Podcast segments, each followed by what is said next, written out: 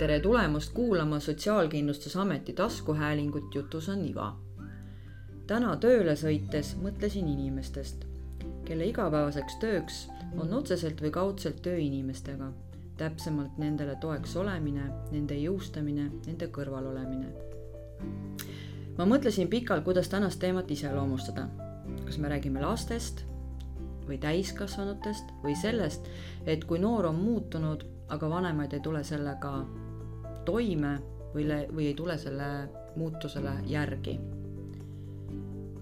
täna on Sotsiaalkindlustusameti taskuhäälingus fookuses klattteenus ja ma vestlen ohvriabi osakonnas Taimi Nilssoniga, tere.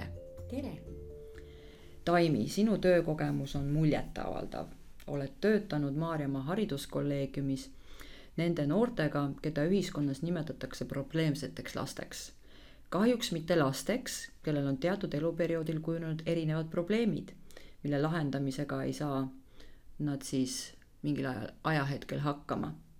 sa ise oled enda kohta öelnud, et töötasid ennast erikoolis klatti no ja kui, kui ma alustasin, siis oli selle asutuse nimetus veel Kaagvere erikool ja, ja nii teda tegelikult teatakse paljuski ühiskonnas täna ka. et, et kui mõned aastad tagasi see nime, nimemuutus tuli ja kogu see kontseptsiooni muutus, siis noh, üks, üks suur soov ongi ju see, et see, et see vana, vana teadmine, et me lükkame need lapsed ära erikooli ja, ja seal nad on riiuli peal natukene aega nagu moosipurgid, kuni kaaned pealt löövad ja siis äkki on veel kuhugi neid vaja lükata, et see nagu muutuks. Et meil on abi vajavad lapsed, kes vajavad mingil eluperioodil kinnist teenust, kuna nad on kas ohtlikud iseendale oma käitumisest või, või ka diagnoosist tulenevate põhjuste pärast või nad võivad ohtu, ohtu kujutada ka ühiskonnale. sa mm, ka tegelikult äh, lisaks sellele, mis su endine töökogemus on olnud, äh, tegeled ja sellest me täna kahjuks nii palju rääkida ei saa, tegeled sellega, et, et, et välja töötada selline baaskoolitusprogramm ja lisaks äh, oled sa ka veidi MTFT terapeut. mis see MTFT tähendab, sellest me räägime ühes teises saates, et las kõigile jääb äh, nii-öelda kõrvu äh, kumama see sõna lühend, aga nüüd tahaks rääkida sellest teisest sõnalühendist ja see nimelt on äh, klatt, et alustame sellest klatist, mis see tähendab?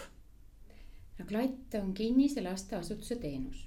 kaks tuhat kaheksateist, kui, kui karistusseadustik muutus ja sotsiaalhoolekande seaduse muudatus tuli, et siis, siis see teenuse nimetus tuli ja tegelikult on ta siis nii-öelda äh, erikooli ja varasema ööpäevaringse erihoolekandeteenuse äh,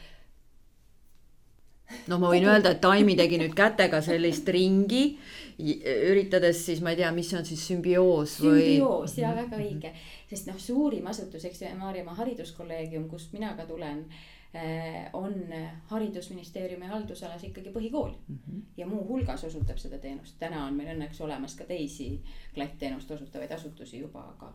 Aga MHK põhjal on see, on see teenuse mudel tegelikult algselt seadusesse pandud ja seaduseelnõu Eh, koostamisel ka MHK meeskond kaasa rääkis ja, ja, ja nõu andis. no nii, aga äh, tuleme nüüd selle juurde, et kuidas me tahame tegelikult täna natuke avada neid noori, neid peresid, mis nendega toimub. ja mul on tunne, et me täiskasvanutena kipume teinekord ära unustama, et me ise olime ka kunagi lapsed mm. -hmm. ja saime ka ise hakkama võib-olla tegudega, mitte kõik kindlasti, millega täna tagasi mõeldes või millele täna tagasi mõeldes tunduvad veidi pöörased, võib-olla mõne puhul täitsa hullumeelsed. ja siis kumiseb peas selline täiskasvanute soovitused või manitsused tollest ajast, et, et halvad sõbrad tuleb maha jätta et siis saab kõik korda, ehk siis tüüpiline lause. no ta peaks endale uued sõbrad leidma.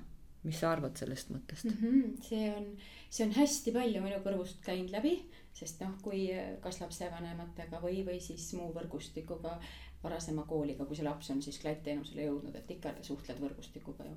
no need sõbrad, laps isegi tihti nimetab, et noh, mul tekkisid need sõbrad ja kui sa püüad sealt siis tagasi minna, kus nad siis tekkisid, siis noh, nad tekkisid seal, kus, kus laps parasjagu olema ei pidanud ehk väljaspool kooli. tavapäraselt meil ikkagi seitsmendast eluaastast kuni põhikooli lõpuni on laps koolis, eks ju.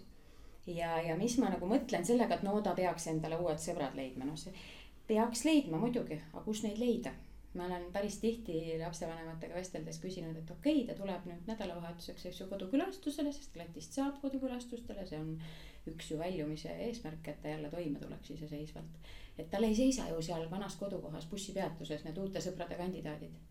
seal ilmselt seisavad need vanad sõbrad, heal juhul seisab seal ema või isa, et kuule, lähme koju. et, et see tegelikult see uued sõbrad leida, see pole nii lihtne sest noh, kui, kui on tavakoolist välja kukutud või on need mured tekkinud, miks laps klatti jõuab, siis on ka see sõprade ring selline, et need sõbrad, keda vanemad või võrgustik lapsele näeks hea meelega ümber olema, need ei taha temaga täna suhelda. et see sild on katki jah, et minu esimene põgus kohtumine sinuga kulges ju tegelikult selliselt, et kui sa rääkima hakkasid, siis ma pidin sind äh, kohe pidurdama ja ütlema, et Taimi, ma nii tahaksin, et see kogemus, millest sa mulle praegu kõneled, jõuaks tegelikult palju rohkemate inimesteni. ja teemadeks, äh, millest me siis niimoodi jõudsime kiirelt äh, rääkida, olid lapsevanemad, noorte õigused ja kohustused ja need äh, näited äh, täiskasvanute poolt kujundatud olukordades, äh, mis nii-öelda need noored siis sellele halvale teele viivad. nüüd on see koht, et kus sa võiksid neid näiteid jälle tu-, tuua. jaa, no see laste õigused ja kohustused on, on ka selline hästi armas teema, et, et kõik täiskasvanud teavad, et lastel on õigused. ja tegelikult teavad kõik täiskasvanud ka seda, et lastel on kohustused et me ise tegelikult oleme neile need ju andnud, sest lapsed ei ole ÜRO laste õiguste konventsiooni kokku pannud, täiskasvanud tegid seda. lastekaitseseaduse tegid ka täiskasvanud, et need õigused on täiskasvanute poolt antud kas siin äh, ma natukene isegi küsiksin niimoodi, et, et äkki täiskasvanutena me pigem teame, mis on laste kohustused. kas me ikka teame ka seda, et mis on ka lapse õigused? Me kipume aeg-ajalt ära unustama, miks lapsel on õigused ja need ei erine tegelikult meie omadest, sest tal on täpselt samasugused õigused elule, tervisele, eks ju. õigust sellele, et teda halvasti ei kohelda. aga me unustame tihti ära, mina arvan vähemalt niimoodi, enda kohustuse last juhendada, kuidas ta oma õigusi ja kohustusi täita saab. sest noh, kui me räägime nüüd MHK-st nagu põhikoolist, siis, siis üks lapse põhilisi õigusi, eks ju, on õigus haridusele ja kohustus koolis käia et iga õigusega kaasneb kohustus, aga täiskasvanuna me tihti unustame ära, et meie oleme need suunajad, kaitsjad, aitajad, kes, kes lapsel siis seda tasakaalu aitaks hoida. et kui sina tahad realiseerida oma õigust, siis sul on ka kohustus. tänaseks päevaks on eh, eriolukord juba läbi ja paljud lapsevanemad said tegelikult tunda seda tunnet, kuidas äh, koduõppel olevat la-, la-, last nagu päriselt äh, aidata ja et tegelikult see ei olegi sugugi nii kerge, et ka õpetaja töö ei ole sugugi kerge, et lapsevanemale laskus see koormus äh, ma ei tea, kas topelt või lausa mitmekordselt.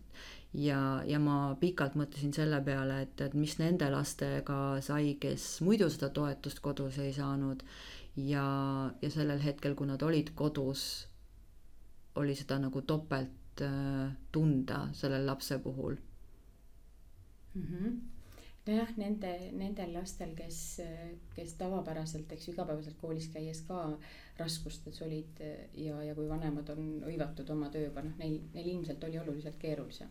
sest ma olen aru, aru saanud, noh, mul oma laps käib ka koolis, veel üks, et et tagasi kooli, eks ju, nii-öelda, kui oli jälle see võimalus, siis kutsuti ikkagi need lapsed, kes abi vajasid, et noh, jällegi kinnisel teenusel olevatel lastel oli see õnn ja rõõm, et neil olid õpetajad seal kohapeal olemas ja neil õppetöö tegelikult MHK-s jätkus praktiliselt tavapärasel viisil, küll mitte koolimajas ja erinevate lastega koos, aga nii-öelda ühe peremudelina kogu aeg mm. -hmm. läbi erinevate taskuhäälingute jõuame vestluskaaslasest ikka jälle teemani märkamine ja ma veidi küsin isegi selliselt enesekriitiliselt, et äh, kas me ikka tahame lapsi näha või on meil ka teatud tingimused, kus ja millistena me tahame neid näha?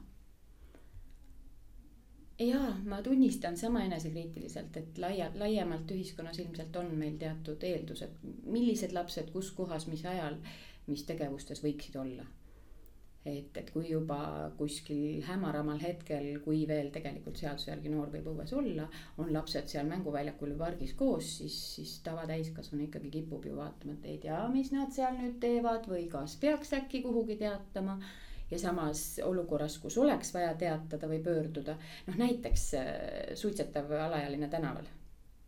mina alaealisena ei saanud tänaval suitsu teha, sest täiskasvanud tulid ütlema ja ma suitsetasin alaealisena, jätsin maha, kui olin kaheksateist hea näide lastele alati, et mis te suitsetate, mina jätsin ka juba siis maha, kui täiskasvanuks sain. aga meie ei saanud teha seda tänaval, me pidime selleks otsima kuuritagused. aga täna tulevad sulle tänaval alaealised vastu suitsud ees ja keegi öelda ei julge. mina olen see paha, kes ütleb, mul ikka sõbrannad ütlevad, et sa saad vastu kõrvu varsti kuskil aga miks me ei julge? Kohati on see, et, et noh, miks, miks öeldakse, et lastel on õigus, et midagi teha ei või, puutuda ei või, eks ju. et millegipärast on täiskasvanu hakanud lapsi kartma. vähemalt mulle on selline mulje kohati jäänud, et, et laste seltskonnale ka ligi minna, kui sa näed, et seal on näiteks kõvemad hääled või, või. me ju tegelikult paneme tähele ka seda, kui tänaval ühte noritakse või, või ma olen ise seisnud kõrval, kui pangaautomaadi juures poisid ütlesid, kuule, võta, võta raha välja. ma läksin natuke lähemale ja rohkem ei olnud vaja et alati ei olegi vaja sõnaliselt sekkuda, aga peab olema seda julgust. oskust. oskust ka, aga, aga see oskus on tegelikult meis olemas, kui me võtame nii-öelda tavateadmise põhiselt. mina olen täiskasvanu, ma olen nii-öelda suurem, tugevam, targem, ma lähen toetan ja kaitsen seda last. alles oli lastekaitsepäev, eks ju. just alles oli lastekaitsepäev ja me rääkisime lastekaitsepäeval äh, ja enne seda samamoodi nagu väga sellistest teemadest, mis jälle tõstis nagu küsimuse üles, et, et kui laps kuskil kas siis äh, meie mõistes äh, jonnib või et kuidas me seda last näiteks siis ja seda vanemat vaatame ja mm, -hmm. ja noh, et selline hinnangute andmine. mis tegusid need noored, kes siis klatti jõuavad, nagu toime panevad, et ja miks nad nii teevad või, või kas need lapsed teevad neid tegusid, et meid ärritada näiteks ja oma keer-, elu ise keeruliseks elada? no ükski laps, ma usun, ei taha oma elu keeruliseks elada. aga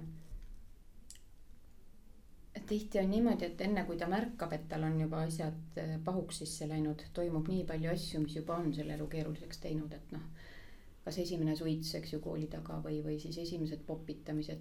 üks noormees ütles mulle nii vahvalt, et ma ei julgenud puududa, aga ma puudusin kuskil kolmandast klassist tundidest ja kuna e-kooli läks kirja ainult üks neljast tunnist, mis ma puudusin, siis oli päris hea tunne kes tegi vea?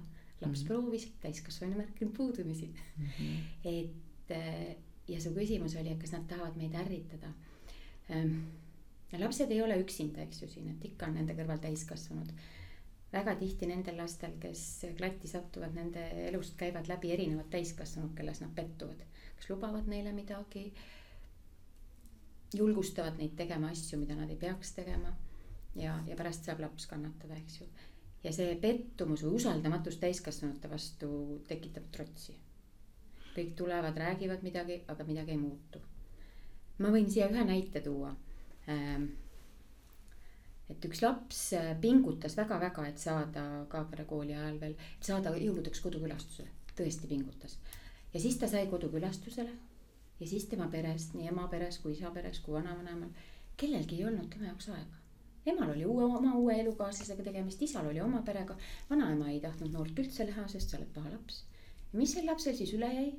minna tänavale, kus on sõbrad, kus politsei ta kinni pidas ja kooli tagasi saatis et see tundub üks äh, lõputu ring ja see noor on nagu kohati selle ringi ka endale nagu selgeks õppinud. et kui mina näen äh, samamoodi tänaval olevaid kampasid, siis ma mõtlen iga kord, äh, eriti veel, kui on külmad ilmad, et mis peab küll olema, et ei taha olla kodus või kutsuda sõpru oma koju. ja olla kodus mm, -hmm. et saab samamoodi olla ja ennast hästi tunda ja ometi nad ei taha seda teha mm. -hmm ja, ja see on väga levinud, et, et sõbrad ei või koju tulla. noh, ilmselt on vanematel ka selleks mingid põhjused, kas on seal kodus midagi juhtunud või on sealt asju ära viidud või või tihti paljudel peredel on ka see mure ju, et äh, kui see laps on kodus päeval ja sõbrad tulevad külla, siis see toit, mida ema arvestas õhtuks, on ära söödud et mind väga üllatas, kui ma hakkasin MTFT-ga tegelema, et peredel on näiteks komme, et lastel ei ole koduvõtmeid. sest laps saab kodus olla ainult siis, kui vanemad on kodus.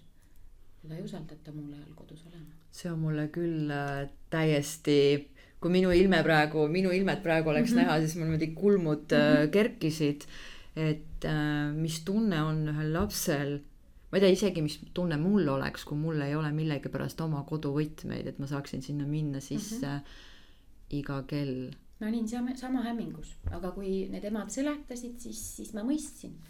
Ja siis me üritasime sinnani jõuda, et need lapsed saaks uue usalduse, uue võimaluse, koduvõtmed. kas see, et see laps on kaotanud usalduse vanemate suhtes või vastupidi, noh, kas see on mingi, olnud ju mingi protest või kuidas me seda nimetame? ta on ikkagi pikem, pikem periood jah, ja, ja, ja ja eks seal on mõlemalt poolt, laps ei oska, vanemal ei ole aega, vanem ka alati ei oska. Sest tegelikult me ju vanemana püüame kõike õigesti teha, aidata oma lapsi, eks ju, olla neile toeks, mõista neid. aga, aga meil on veel tööelu, eks ju, meil on veel oma sotsiaalne suhtlus, millest me tihti oleme ära lõigatud, kui meil lastega mured on, et. et eks need vanemad on ka omaette koorma all ja, ja nii nagu me vaatame tänaval lapsi, et ai, ai, mis nad siin teevad, nii pahatihti vanemad saavad ju samamoodi nii-öelda spetsialistidelt, et kuulge, ema, no see on ju teie kohus. Teie olete lapsevanem, teie peate nüüd. ja kas me küsime, et mis on need vajadused või oskused või tunded või mõtted äh, tegelikult, mida see lapsevanem sellel hetkel ka nagu vajab et äh, ammu on ju teada, et tegelikult abivajaja üldse ei tule ju küsima, et palun aita mind mm. -hmm. vaid selleks oleme olemas nii-öelda meie või meie spetsialistid mm. -hmm klatt ei ole, ma saan aru, selline koht, kus no ma ei tea, laps ära võetakse, eks ju, või, või ku, ku, kuidas sellesse nagu suhtutakse, et klatt on mingiks perioodiks, kas tal peab olema klatis, sellel lapsel peab olema klatis hea olla või vastupidi peab tal olema seal ebamugav. et ta tahaks koju tagasi minna. jaa. see on selline vindiga küsimus. see on väga hea vindiga küsimus, et muidugi igal pool, kus laps on, peaks tal olema hea olla. Ehk et selles mõttes heaolu ja turvalisus peab tal igal pool olema tagatud. aga jah, seda on ka laste mõtetest välja tulnud, et tal ei tohi olla seal ka nagu liiga mugav. et ta ära harjuks sellega, et see, kui ma olen äh, kohtumääruse alusel ikkagi kinnisele teenusele suunatud, minu vabadust on kohtu loal piiratud, et see on tore. et, et selle kohta on mõni isegi öelnud, et, et kui tal on äh, kinnises asutuses liiga mugav, siis ta ei karda ka seda järgmist asutust. ehk siis vanglat. Täna veel on see võimalus, et meil noored ikkagi kinnipidamisasutusse satuvad nüüd selle projektiga, mida sa enne nimetasid, et me seda baaskoolitust välja töötame, seal on ka üks alalõik pealkirjaga on Noored vanglast välja. et tegelikult on Eesti hästi-hästi vahval kursil selles osas, et alaealiste erikohtlemine ja kõik muu taoline. aga jah, kinnisel teenusel võiks lapsel olla täpselt nii mugav, et ta tahaks edasi minna oma eluga kui see noor nüüd jõuab sinna klatti, siis mis tema jaoks muutuma hakkab või tegelikult ju me ei räägi siin ainult sellest noorest, me räägime ju tegelikult ka perest ja ka kogukonnast.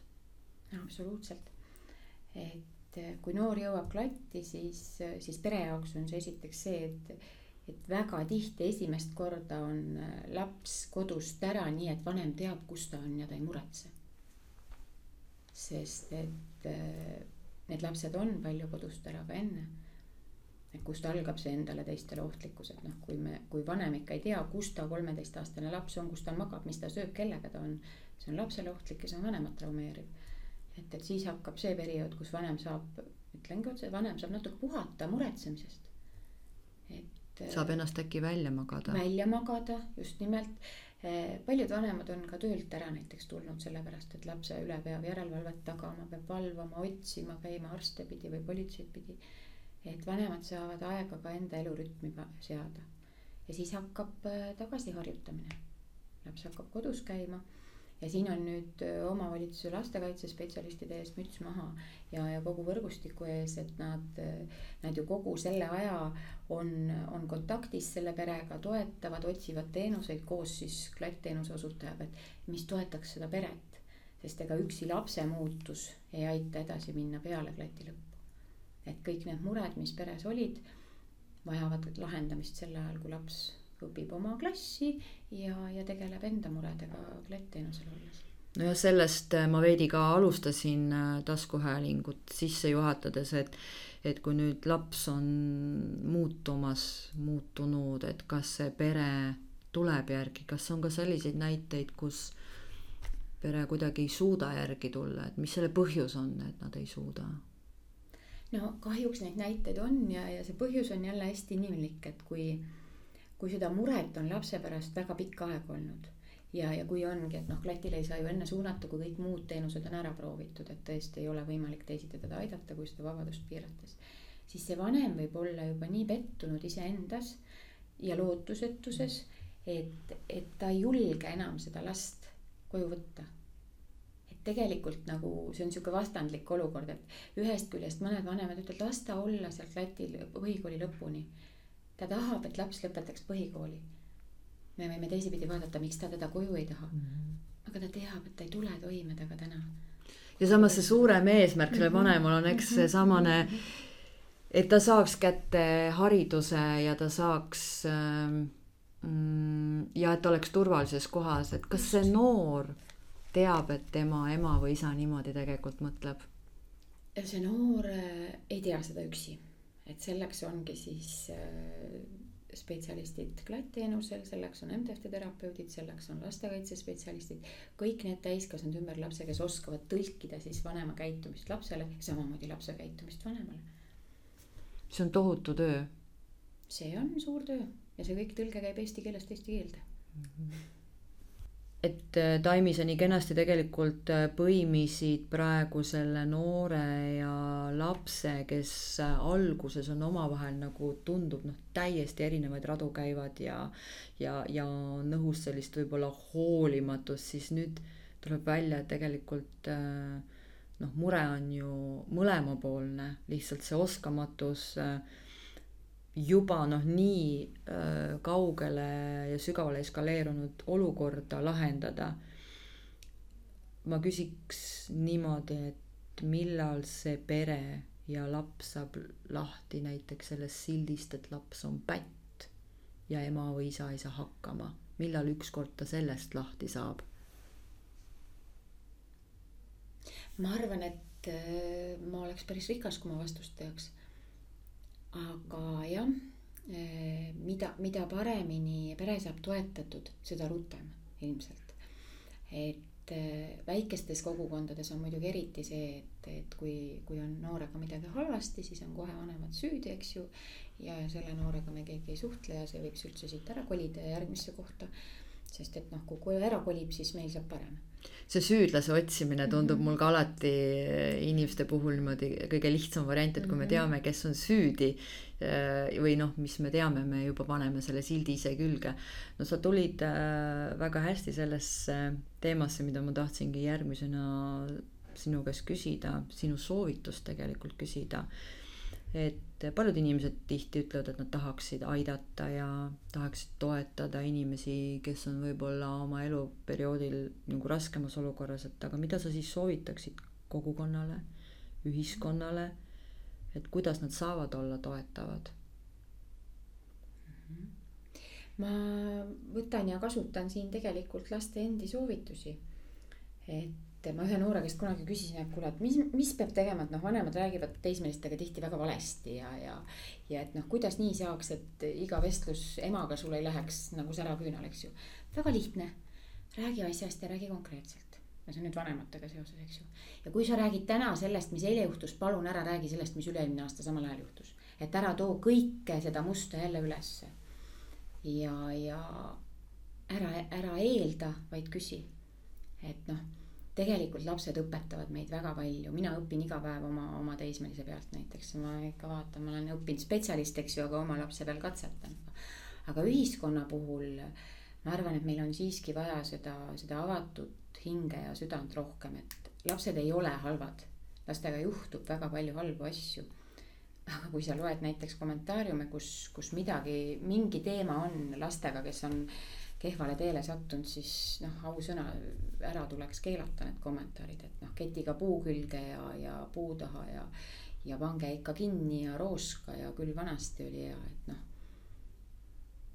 kas meil on hea, kui meid kinni pannakse ja, ja ketiga puu külge ja et, et lapsed on ju tegelikult äh, meie endi väiksemad väljaanded. meie, meie ühiskonna peegel nii-öelda. mulle meeldib hästi ühe lastekaitsespetsialisti lause, et, et nende klatilaste jaoks on vaja inimesi, kes armastaks neid, keda mitte keegi ei armasta ja teisipidi on jälle see, et, et noh, miks need lapsed käituvad niimoodi, eks ju. et äh, need lapsed, kes armastust kõige enam vajavad, küsivad seda kõige vähem armastusväärsel moel. et tegelikult on, on iga see lapse nii-öelda, nimetagem seda siis halvaks käitumiseks või riskikäitumiseks või ennast hävitamiseks, et see on tegelikult ju abipalve, appikarje. Kätte on jõudnud suvi ja puhkused ja selline vabam olek, et äh, mida sa, mida sa soovitad, kas nüüd noortele, täiskasvanutele peredele, spetsialistidele mm? -hmm. puhata kindlasti, kui on võimalik. peredele puhata koos lastega.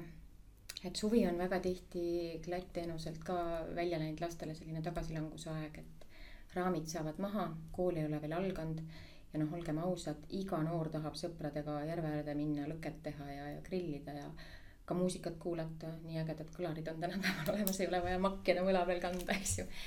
et aga võib-olla kuidas neid eh, noori nii-öelda hoida kogukonnas, on see, et eh, võtke neid tööle, kutsuge neid koos midagi tegema. et eh, tegelikult on nad väga abivalmid ja, ja nad tahavad olla kaasatud ja, ja nad tahavad, et nad oleksid vajalikud ja mul oli hiljuti üks ümarlaud just, kus, kus ühe noore poisi pärast hirmus pahandus koos ja siis ütleb üks külaelanik, et aga, aga meie teame teda küll kui küla kõige viisakamat poissi, eks ju. aga see külaelanik oli kuuskümmend pluss. noh, et, et noortel on erinevate inimestega ka erinevad käitumisoskused, et tegelikult iga inimene saab ju seda, mis ta välja annab. Kaasake noori suvel ja, ja hoiame neid tegevuses, siis neil ei ole igav klati üks oluline väärtus paljudest on see, et noorele aidatakse toime tulla kodukeskkonnas, mitte talle loodud mõneks ajaks kunstlikus keskkonnas.